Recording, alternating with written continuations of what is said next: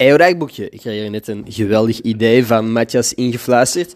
Heb je al een spoilerro spoilerloze, beter, review gegeven van de nieuwe Avatar-film?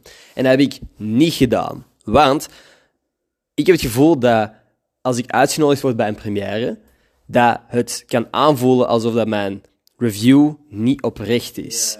En omdat dat een ticket is dat ik gekregen heb, dat mijn mening daardoor beïnvloed zou worden. Daarom probeer ik altijd even te wachten voor ik mijn reviews geef.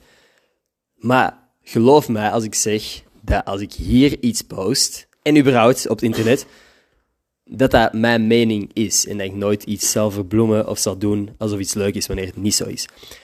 Avatar, de eerste, is zo lang mijn favoriete film geweest. In, wanneer is die uitgekomen? Is dat 2012 of zo. 2012 zou ik ook zeggen. Anyway, geen idee eigenlijk.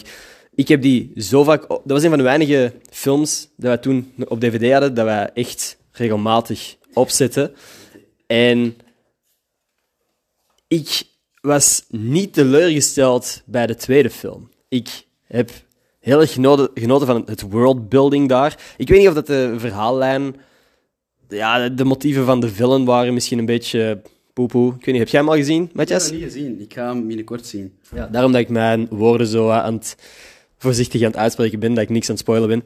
Het motief van de villain, als je erover nadenkt, is niet super logisch of terecht of mm, niet, niet geweldig.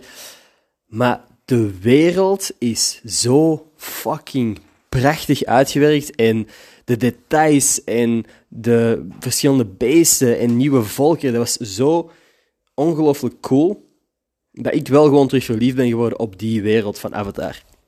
Dus, ik weet niet, heb ik ooit punten gegeven hier in dit dagboekje? Ik weet niet, gaf ik punten? Het is lang geleden dat ik een movie review heb gedaan. Misschien is het deels de nostalgie, maar ik vond het wel een 8 waard, gewoon omdat ik nog nooit zo een mooie beelden heb gezien die met CGI gemaakt zijn. Het voelde echt aan. En ja, ik ben gewoon een sucker voor dat soort films eigenlijk. Oké, dat was mijn spoilerloze review van Avatar. Tot straks.